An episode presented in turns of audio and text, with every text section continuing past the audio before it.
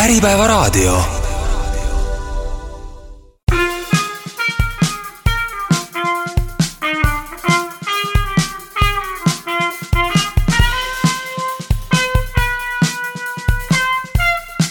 Soraineni sagedus, mitu arvamust, üks eesmärk. tere tulemast kuulama Soraineni sagedust. mina olen Maarjo Sõrm, minuga juhib täna saadet Kaupo Lepassepp. külas on meil juhtidele spetsialiseerunud psühholoog Mare Pork ja Soraneni partner Karin Madisson. Kaupo, ütled ka tere? tere, tere. tere. tervist, tervist. tänases saates äh, räägime siis äh, muutustest. Äh, suur juht ja, ja kindlasti väga kogenud inimene, kes oma talenti rakendas võib-olla natukene halvasti, Vladimir Iljitš Lenin on kuulsalt öelnud, et ajaloos on dekaade, kus ei juhtu mitte midagi ja siis on mõned nädalad, millega juhtuvad dekaadid ja kindlasti on see koroonaepideemia äh, toonud kaasa mingisuguseid muudatusi ka juhtides, juhtidele ja juhtimises. ja täna siis räägimegi sellest, et mis need muudatused on, kas nad on päriselt, kas nad on muutnud maailma igaveseks ja millised need muutused on, kuidas nendega hakkama saada. Ja kas nendest on midagi ka tuleviku jaoks õppida või üsna varsti, kui pandeemia läbi saab, lähme tagasi oma kontoritesse ja maailm ei olegi muutunud, jätkub business as usual kui tohib, Kaupo, ma kohe võtan siis sõnasabast kinni. Ja ütlen oma sellise äh, suhtumise sellesse või õigemini äh, ma usun, et noh, seda me ei saa kindlasti väita, et midagi ei ole ju muutunud, et, et kindlasti on väga palju muutunud, aga küsimus on, et kas see on muutus halvemuse poole äh, ja kas on muutus selle poole, et meil on olnud keerulisem või, või pigem vastupidi kui küsida vahele, et äh, milles sa seda muutust näed? no kasvõi see töötamise viis, kuidas me täna töötame, et muidugi ta on, ta on niisugune kaootiline, eks ju, et äh, vaadata nüüd äh, seda, kuidas, kui meil on täna saadetud lapsevanemad koju koos oma lasteaialastega, keda on kuskil siis väidetavalt kakssada tuhat peret, kes peavad täna jagama oma kodukontorit tegema sisuliselt kahte tööd, sa pead olema äh, lasteaialapse lapsehoidja ja sa pead tegema siis oma kodukontoris olevat siis põhitööd. sa teed sisuliselt kahte tööd nagu paralleelselt ja, ja me ei saa kindlasti väita, et see oleks kuidagimoodi nagu lihtne. kui me räägime veidi suurematest lastest, siis seal on juba nagu omad teemad, et noh, ma pean ise ütlema, et mina väga naudin seda aega, nii julm, kui seda ka öelda ei ole aga mulle õudselt meeldib see tunne, kui mu laps tuleb ja tal on väikene mingi küsimus, ma saan teha temaga silmsideme, eh, kuulata ta viis minutit ära, eh, anda talle kas julgustav sõna kaasa või, või mingi juhised, kuidas edasi toimetada. aga, aga mul on temaga palju-palju parem kontakt, kui mul on eh, töö juures olles, kui ta mulle helistab ja, ja ma pean kuidagi tööasjade vahele suutma siis seda olukorda nagu lahendada et mina ise väga naudin, ma naudin seda, et ma saan hommikul tõusta rahulikult, palju hiljem äh,, mõelda läbi oma päeva palju rahulikumalt, kui ma seda varem tegin. ja, ja minus on, minus on kindlasti kohe seda kiirustamist oluliselt vähem ja pabistamist äh,. aga on kindlasti neid inimesi, kelle jaoks sellised, sellised muutused on väga pinget tekitavad ja, ja vajavad äh, väga tugevalt endaga töötamist, et ähm, et sellest siis nii koos perega kui ka isiklikult äh, võimalikult rahulikult nagu välja tulla. või Mare, mis sa arvad? no mul on muidugi tohutu hea meel kuulda, et sa oskad välja tuua kõiki neid eh, eh, suurepäraseid asju, mis on eh, paremuse suunas liikunud ja, ja mulle tundub ka, et, et see aeg on praegu paljudele siiski sebimisega paralleelselt andnud võimalust mõelda, mis tegelikult toimub. Ja mina olen nagu sundinud oma vaeseid kliente nagu väga selgelt ütlema, et et just selle kriisi ajal on oluline näha neid väga häid asju ja ma olen sundinud neid äh, vastama korralikult küsimusele, mis on need asjad, mis on läbi aegade head, mis ei kao kriiside ajal et see on nii oluline osata seda nagu eh, tähele panna ja väärtustada, et noh, see, mis inimesed ütlevad, et läbi aegade on head ja mis ei kao kriiside ajal ja mõned ütlevad armastus piduliku eh, tooniga, mõned ütlevad, et jalgrattasõiduoskus ei ole kuskile kadunud. Ja ühesõnaga seal on nii tore, aga kui inimesed eh, saavad aru, et nad selle peale mõeldes, mis on hästi, et nende tegelikult seisund muutub et see on suurepärane enesejuhtimise tulemus ja nendest headest asjadest on ju ka kriisi ajal ajutiselt kaduv ja hiljem taastuv hea no see on nii selge, et need reisimised, teatrid, kallite inimeste regulaarsed kallistamised, et need kõik ju taastuvad. ja nüüd tarkus, elutarkus oleks õppida õppida hindama seda, et ma saan aru, et vahepeal kaovad osa häid asju ära, aga pärast tuleb tagasi, et äkki me oskaksime juba ette nautida seda, et need tulevad tagasi, me oskame seda paremini hinnata. ja ei hädalda ja ei põe siis praegu nende asjade üle, mis on piirangud ja raskused ja siis on uue aja head asjad et on nii palju uusi häid asju, eh, mis on kriisi tekitatud. Ja noh, siin me ütleme, et vaba, täiskasvanud inimene, me peame kahjuks tunnistama, vabatahtlikult ei muutu. Selleks, et üldse mingeid muutusi tekiks, ongi kriisi vaja, nii et, et see ei ole üldse nali, et,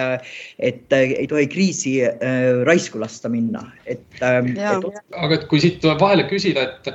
et kas, kas Mare, sa oled oma kogemuses juhtidega rääkides, oled sa tunnetanud ka, et juhtides äh, ja organisatsioonides on toimunud mingisugune põhimõtteline muudatus äh, läbi selle, et neid kodukontoreid ja hübriidtöövorme on nüüd aktiivselt äh, rakendatud? Need äh, juhid, kes tegelikult ikkagi inimestest on juba õppinud hoolima ja tegelikult natuke pabistavad, et kuidas neil kõik läheb, et siis nad on paremas kontaktis, nad võtavad sagedamini ühendust ja ma kuulen ka näiteks, et on neid toredaid seltsielu liike, et keegi teeb hommikukohvi oma inimestega koos, nii et on kõik see kodune ja räägitakse ükskõik, mis parajasti toimub. Või siis tehakse õhtune või reedeõhtune, täna soovis seda eriti rääkida, reedeõhtune õhtune eh, eh, pidu kõigiga koos läbi Zoom'i, Teamsi ja, ja jagatakse kõiki asju, et on tulnud palju uusi võtteid, kuidas inimestega olla paremini kontaktis. et eh, ja ma arvan, et minu, mul on õnn suhelda palju juhtidega, kes teavad, kui tähtis on õhkkonna loomise oskus ja nemad sõnumistes, ükskõik, mis nad räägivad, nende toonis on, teate, see saja-aastaste eestlaste eluga toimetuleku eh, sõnumid, et pole hullu, saame hakkama, teeme ära, eh, tuleme välja, kannatame välja, kui on vaja. et, eh, et need juhid hoiavad oma inimesi selle õhkkonna hoidmise kaudu et see sõnum ja. on tõesti, ma ütlen, see on saja-aastaste eestlaste, see on uuring, siis nendel oli nagu sõltumata sellest, mitu korda nad Siberis olid käinud, oli ikkagi see, et pole hullu. ja ma olen Marega selle koha pealt väga nõus, et mina endale olen ka ühe märksõnana selle kirjutanud, et tegelikult ka juhi nagu üks oluline ülesanne on kinnitada, et see kõik läheb mööda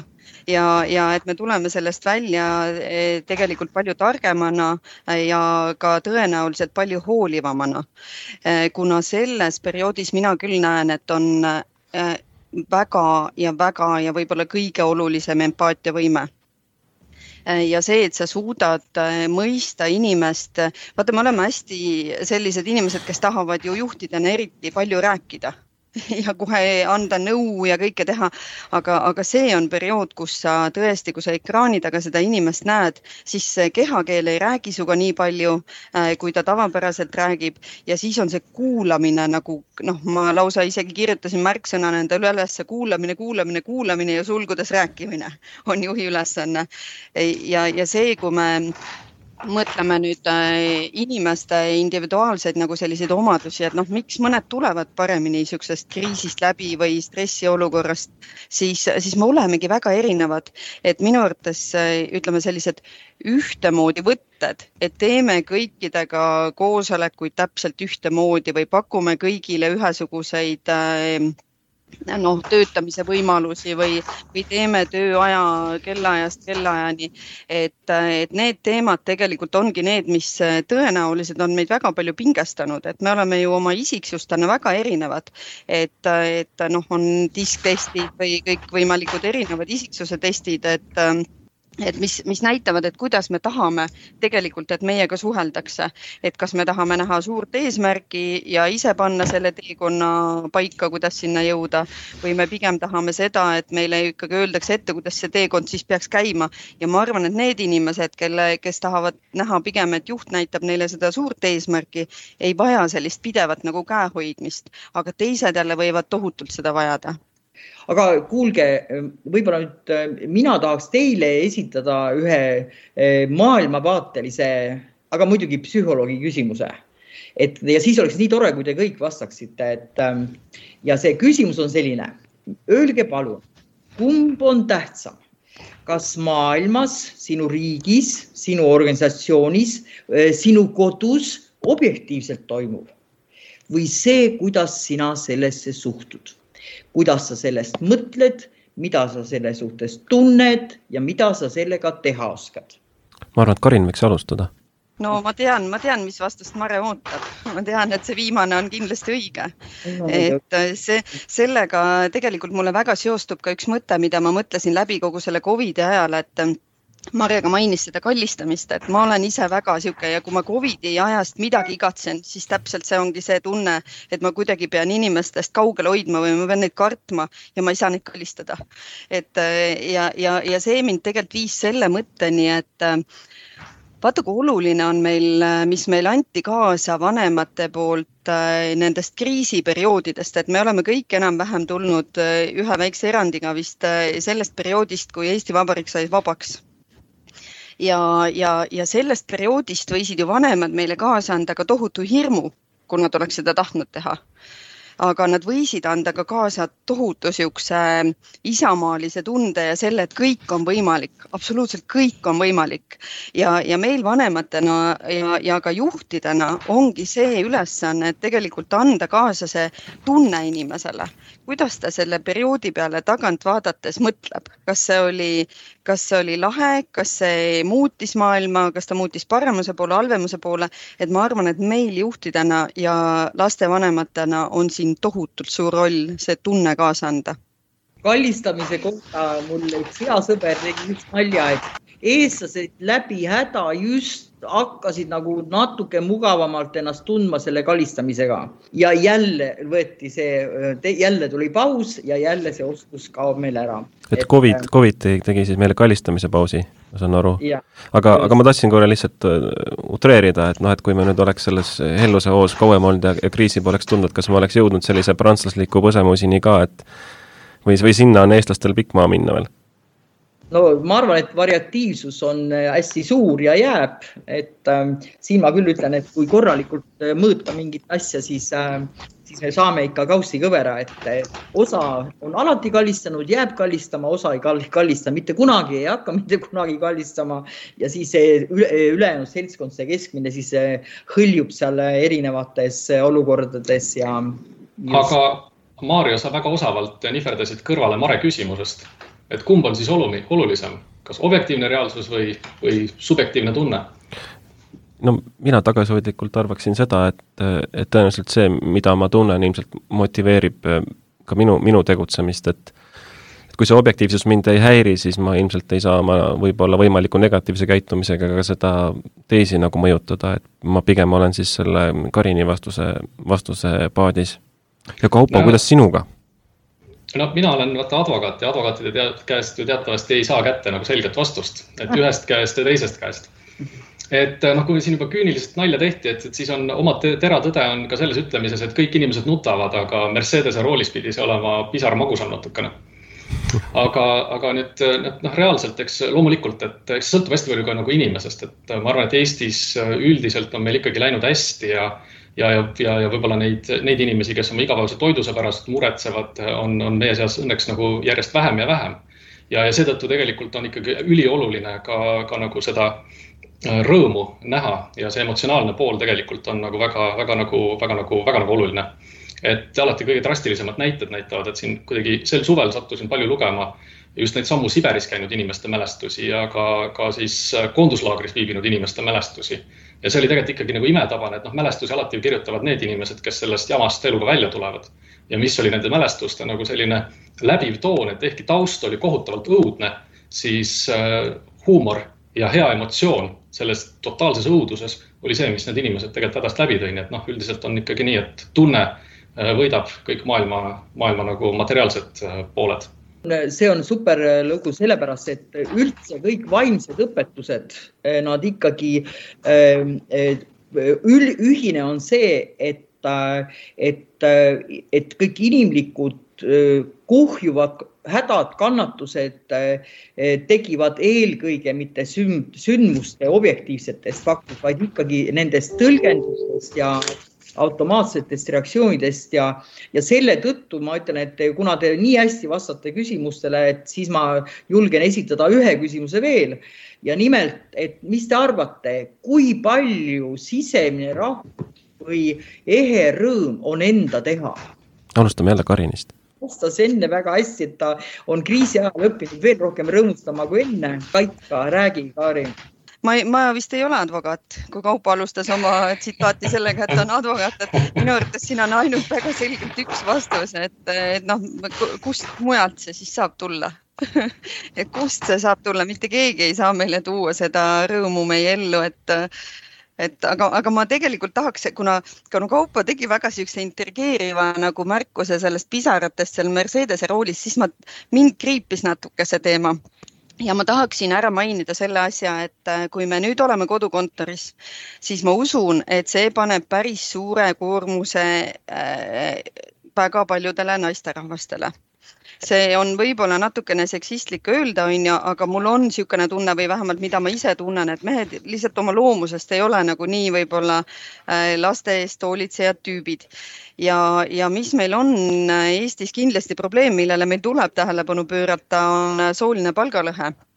ja, ja, ja see võib ja miks on oluline, ma tean, et see tundub väga niisugune nagu niisugune noh, võib-olla mõnel, mõnes mõttes nagu tabuteema, aga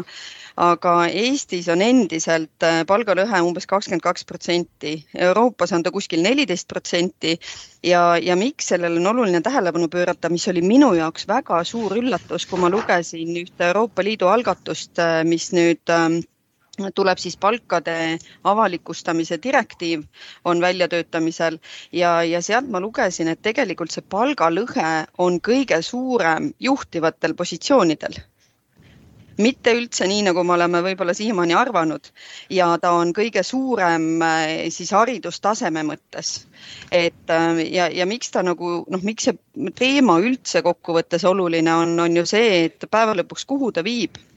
on see, et naistel on suurem oht äh, sattuda oma elukvaliteedi mõttes äh, madalamale tasemele.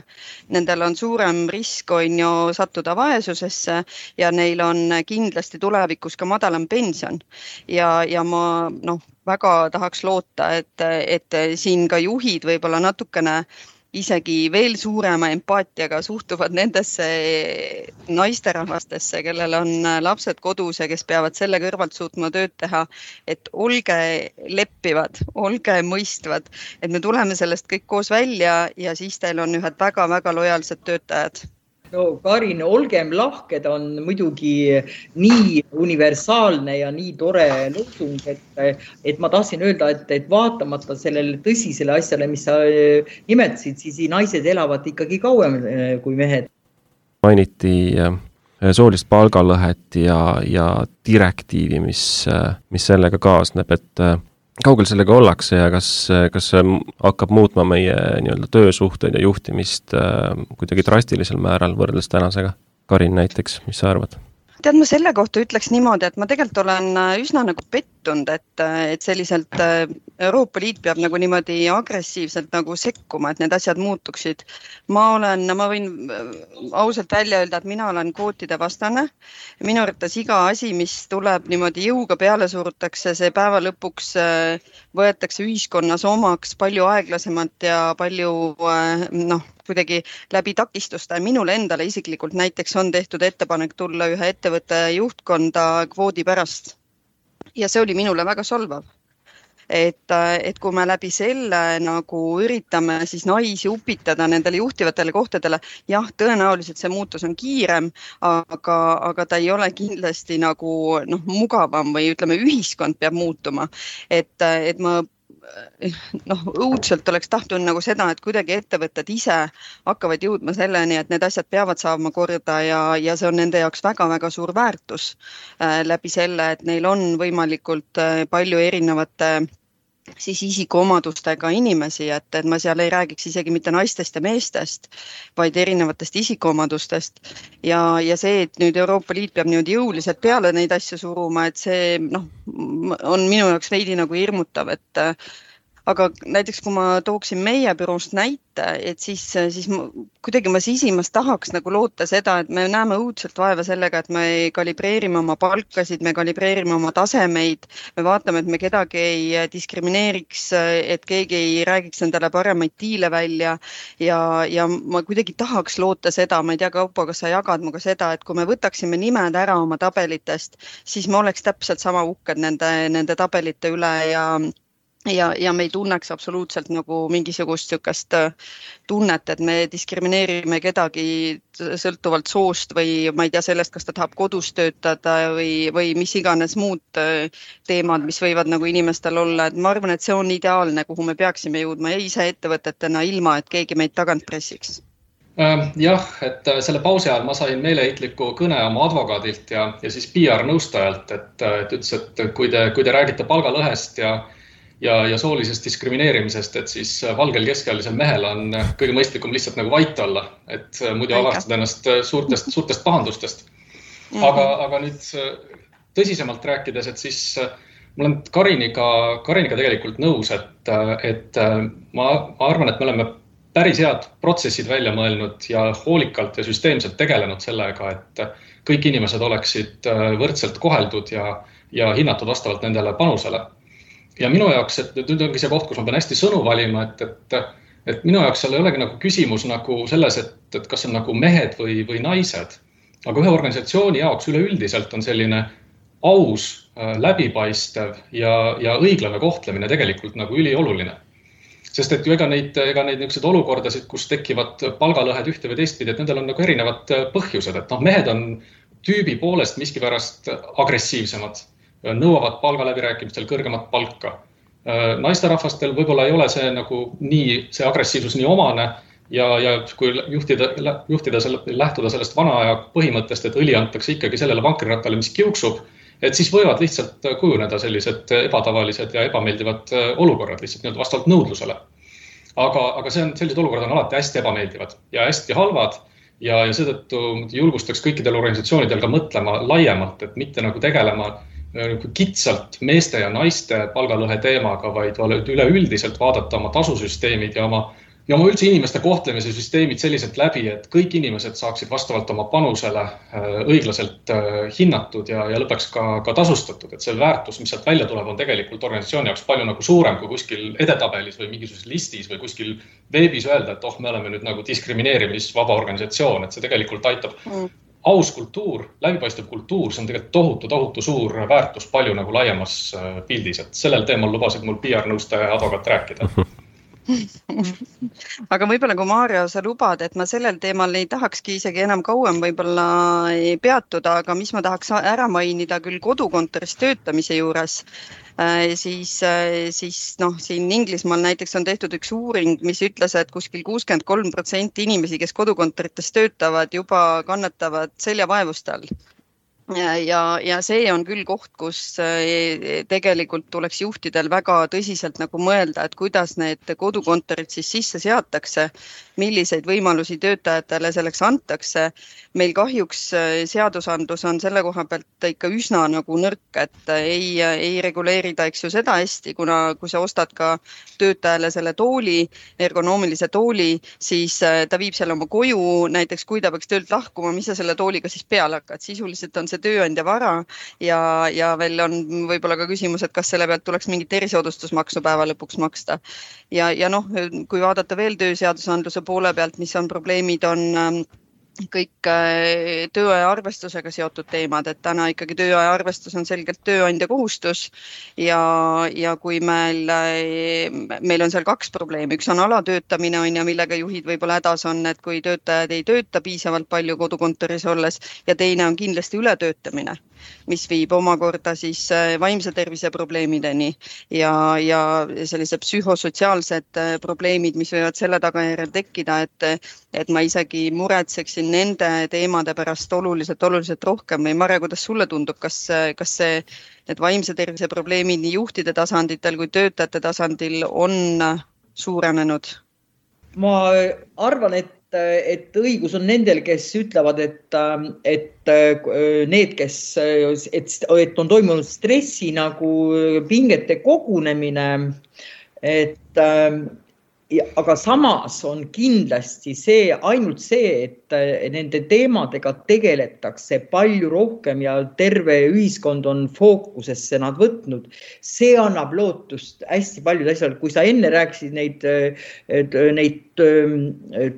sobivaid toole ja kogu töökeskkonda, et, siis eh, mul ikka kaldub see mõtlemine selle poole, et, et inimene ikka nii palju asju saab ise teha, et, et, et see, et sa oma sisemaailma ise korras hoiad, et ähm, ja saad selle üle, et sa seal midagi hästi oskad teha, palju, palju rõõmustada. et siis mul tuli meelde üks ähm, nii vaimukas meie keegi tubli konverentsi esindaja küsis, et mis on kõige parem asend tööd tehes või üldse. ja siis õige vastus, teate, mis oli, kõige parem asend on järgmine ehk teiste sõnadega see üleskutse, et, ähm, et sa nagu saad äh, igal järgmisel hetkel iseenda seisundit muuta. vot nüüd ütleme see, mida psühholoogid saavad õpetada ja teha, teevadki praegu äh, intensiivsemalt kui muidu on, on see, et, äh, et sa, inimene loob ennast igahetkeliselt kui sa tead, et sa igal järgmisel hetkel saad teha, mõelda mingi uue mõtte, teha mingi uue teise liigutuse ähm, ja siis tunned, kuidas sa ise oma seisundit saad muuta, siis sul tuleb see enesekindluse liik mida ei võta sult enam mitte keegi ära ei äh, vangilaagris ega kuskil mujal, sellepärast et see on sinu enda tehtud. ja et ähm, ja ma arvan, et ütleme, need töö andjad, kes kõik praegu tellivad end, äh, neid äh, teadliku mindfulness'i kursusi, äh, kõikvõimalikud, need teevad parimat, mis saab olla, et õpetatakse inimestele endast hoolimist, sõbralikkust. mina väga toetan kõik Peaasi kaudu, mis tuleb. Oidermaa on seal nagu nii hea eestvedaja ja, ja et paljud psühholoogid teevad praegu väga väärtuslikku tööd, mis annab suuremat mõju paljudele inimestele rohkem kui enne kriisi. vot see on et see. täiesti, täiesti nõus jah. et Karin tegelikult puudutas ühte nagu hästi olulist teemat, et jah, et, et see kodukontori juhtides tekitab ikkagi nagu ebakindlust, et, et kas, kas inimesed töötavad. et noh, niimoodi mulle endale tundub, et, et jah, ja ka aasta tagasi võib-olla ise olin seal kohal, et, et kui nad silma all ei ole, et, et kas nad siis nagu töötavad aga mida mina nagu sellise pooljuhina olen, olen nagu kaasa võtnud eelmisest aastast, on see, et, et seda Karini mainitud alatöötamise probleemi, vähemalt meie sektoris, kus on nagu selles mõttes intelligentsed, tublid, edasipüüdlikud inimesed, seda alatöötamise probleemi ei ole. inimesed teevad äh, väga nagu, väga palju ja väga tublisti tööd, ehk siis noh, see tohutu usalduse kasv äh, selles aspektis on minu meelest üks asi, mille, mida ma julgustaks kõikidele teistele äh, juhtidele ja, ja, ja pooljuhtidele. aga palju suurem probleem on tegelikult see teine pool, ehk see ületöötamine. et ühtepidi on ju tore, et sa saad töö, töötada kodust, aga see suhtlust on juurde tulnud. Teamsi kõned, Zoomsi kõned, neid on nagu, neid on nagu, nagu nii palju. tööpäeva algus ja lõpp on tegelikult ära hajunud, et, et Marel on käsi püsti, et tahtsingi kohe küsida, et kas sul on ka mingisuguseid selliseid nagu praktilisi näpunäiteid või mingeid praktilisi soovitusi, kuidas oma seda tööpäeva niimoodi korraldada, et sa lõpuks saad ka nagu pistiku seinast välja tõmmata mingisugusel mõistlikul töö, mõistlikul kellaajal ja, ja saad oma eluga nagu hästi edasi minna, mitte ei jäägi sellesama arvuti külge nagu aheldatuks äh, või, või, või kuskile kõnedesse lukku ja, ja, ja oled lõpuks päeva lõpuks nagu kurnatud, nädala lõpuks veel rohkem kurnatum ja järgmine aasta enam ei jaksagi tööd teha. Ma tahtsingi, näitasin kätt sellepärast, et äh, tahtsingi teha nalja, et äh, need alatöötajad on sageli need, kes on enne just üle töötanud, kes on te tegelikult enam ei jaksa, kellel, kes on läbi põlenud ja ja noh, ähm, et on väga palju tehnikaid, kuidas tulla sellest äh, läbipõlemise astmetest välja. Ja noh, minu enda kogemus ütleb, et kui inimene mingi kannatuse proovib muuta mingit plaani, siis tal on nii oluline, et ta märkaks, kuidas ta seda teeb et väga tihti äh, juhid ka, äh, olles ise väga äh, paid ja lahked, ütlevad, et oi kui tubli, et sa seda tegid midagi, et jätsid aja režiimi, hoidsid graafiku õige ja selle võrra lubasid endale puhkust. no minu kogemus ütleb, et täna võib küll saada palju head tööd teha, kui sa armastad oma tööd kui sa oma tööd väga armastad, siis ma arvan, et äh, ei ole ei ületöötamise ohtu, väsivad loomulikult äh, ja nad puhkavad ennast välja ja nad on su uuesti suure hooga, et häda on selles, kui sa oma tööd tegelikult nagu vihkad ka. sundtegevus, jah, on see, mis seda ületöötamist ja, ja läbipõlemist teeb. aga kas see, kas see praeguses olustikus on siis mm, eriti akuutne, et kui, kui varasemalt vihkasid oma tööd, eks ole, siis eh, siis olid niikuinii kogu aeg väsinud, et kas nüüd eh, koroona ajal, kui sa kodus oma tööd vihkad, et see on siis nagu selline topeltkaristus? nojah, ja need, need inimesed, kes eh, vihkavad ka kõiki inimesi, kes seal kodus seal on, et siis nendel on eriti raske muidugi, et ta, minu, mina ütlen, et need inimesed, kes õpivad ükskõik kus olles iga natukese aja tagant tegema ümberlülitusi, lõdvestuma, energiseeruma, märkama, mis toimub, oma kohalolu nagu kindlustama iseenda e-, elus ja töös, et nemad hakkavad tohutu palju võitma eh, ka sellest praegusest kriisiajast, et neil on aega tegeleda iseendaga kõige paremal kujul, et nad on kontaktis iseendaga, märkavad, mis nad iseendaga teevad. ja, ja minule tundub, et, et tore on iga kümne minuti tagant ükskõik mida tehes teha väike ümberlülitus, väike liikumine, väike hingamine, eh, mingi kujutlus, mis sind eh, eh, kirglikkust suurendab ja et, et see on see, mis võiks olla selle praeguse aja nagu üleskutse.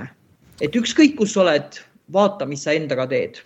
ma mäletan ühte Marega vestlust ja kui ma küsisin Mare käest, et et, et kas meie tulevik nagu ongi see, et me töötame hästi intensiivselt ja siis me võtame pooleks aastaks ennast vabaks, et siis eh, kuidagi taastuda ja sellest nagu välja tulla, et noh, olen mina võtnud aja maha vahepeal ja on Kaupo olnud vahepeal eh, paar kuud puhkusel, et ennast uuesti laadida. et kas see on nagu see õige viis nagu seda teha ja, ja siis Mare mulle vastas tegelikult, ma ei tea, kas sa Mare ise mäletad, aga sa vastasid mulle niimoodi, et sa ütlesid, et sa arvad, et see selles mõttes ei ole õige viis, et, et sa oled tõmmanud ennast liiga nagu juba üle üle, on ju, põhimõtteliselt selle tööga. et äh, me peame õppima lõõgastuma ja puhkama igas päevas oi, kuulge, mul tuleb nüüd arstide poolt mulle antud käsk juhtidele edasi öelda, et kui uuritakse eh, pingetaluvust, eh, resilientsust, mis on tõlgitud ka vaimne vastupidavus, siis seal on üks teema on see, et kui on kriitiline aeg, mul tuleb lisajõudu selle kriitilise ajaga toimetulekuks. Ja siis, kui sa paned sinna endale kõva punkti, siis on oi kui palju tore õnn aga nüüd selgub, et need inimesed, kes tunnevad, et kriitilisel ajal neile tuleb lisajõudu juurde, võivad pärast ikkagi jääda haigeks. ja siis ütlevad arstid, et kalliks, et palun ärge rõõmustage selle üle, et teil kriitilisel ajal tuleb lisajõudu, et tegelikult see on ikkagi ohtlik, et te tegelikult mm -hmm. nagu kurnate ennast äh, selle võrra rohkem. Ja ma arvan, see on väga juba selline peentaju seal, et, et, et need inimesed, kes on pärast pingelist äh, perioodi äh, haiged, piisab nohust, piisab, ei ole vaja koroonat, siis nad, tegelikult nad võivad endale meelde jätta, et nad peavad õppima mitte ennast ise ära vägistama töödega, vaid et, et märkama seda väsimuse liiki, mis, mis tekib, kui on pikemaaegsem stressiperiood. Jagada küll oma, võib-olla oma nippi, et kuidas, kuidas mina äh, ei, ei tööta üle mul on niisugune, et ma olen jaganud oma elu nagu põhimõtteliselt eh, viie samba peale ja ma üritan leida igas päevas aega kõigi nende sammaste jaoks. ja see tähendabki seda, et kui ma mõne päevaga võib-olla pean tööle pühenduma rohkem, siis ma võtan teisest päevast tagasi selle, et ma tõesti igasse sambasse nagu panustan, et ma ütlen ära ka kiirelt, et eh, esimene sammas olen mina ise ja minu panus ühiskonda Äh, siis on minu pere ja minu lähedased, kindlasti minu vanemad on seal sees. Äh, siis on minu töö siis advokaadina, äh, siis on minu hobi ööbikur villa Võrumaal ja siis on finantsiline iseseisvus. Need on viis asja, kuhu ma panustan sisuliselt iga päev natukene. aga ma arvan, et tõmbaksime siis ka tänaseks kokku et aeg surub ka ööks peale, et kas, kas lisaks Karini viiele postulaadile Äh, Kaupo, sul on ka midagi siia, mõni teadaanne tähtis siia lõppu? Mina olen lihtsalt põnevusega kuulanud ja seda Karini, Karini checklist'i ja listi kindlasti, kindlasti üritan ka oma elus hakata paremini rakendama. aga, aga kas Marel on meile öelda midagi lõpetuseks, mingisugune tarkusetera, mida kõik inimesed, äh, nende hulgas ka mõned juhid,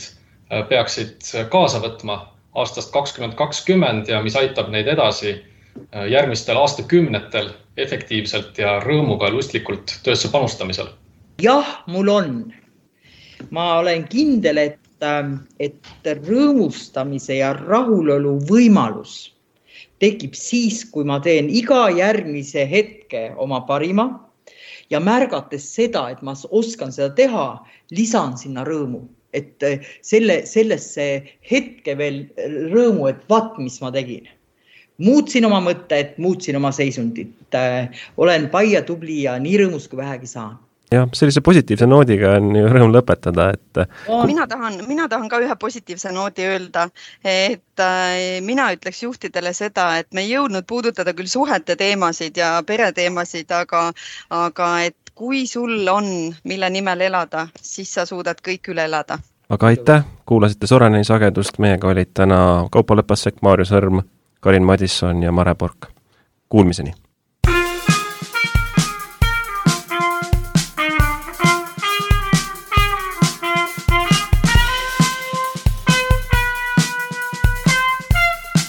Soraineni sagedus, mitu arvamust, üks eesmärk. Äripäeva raadio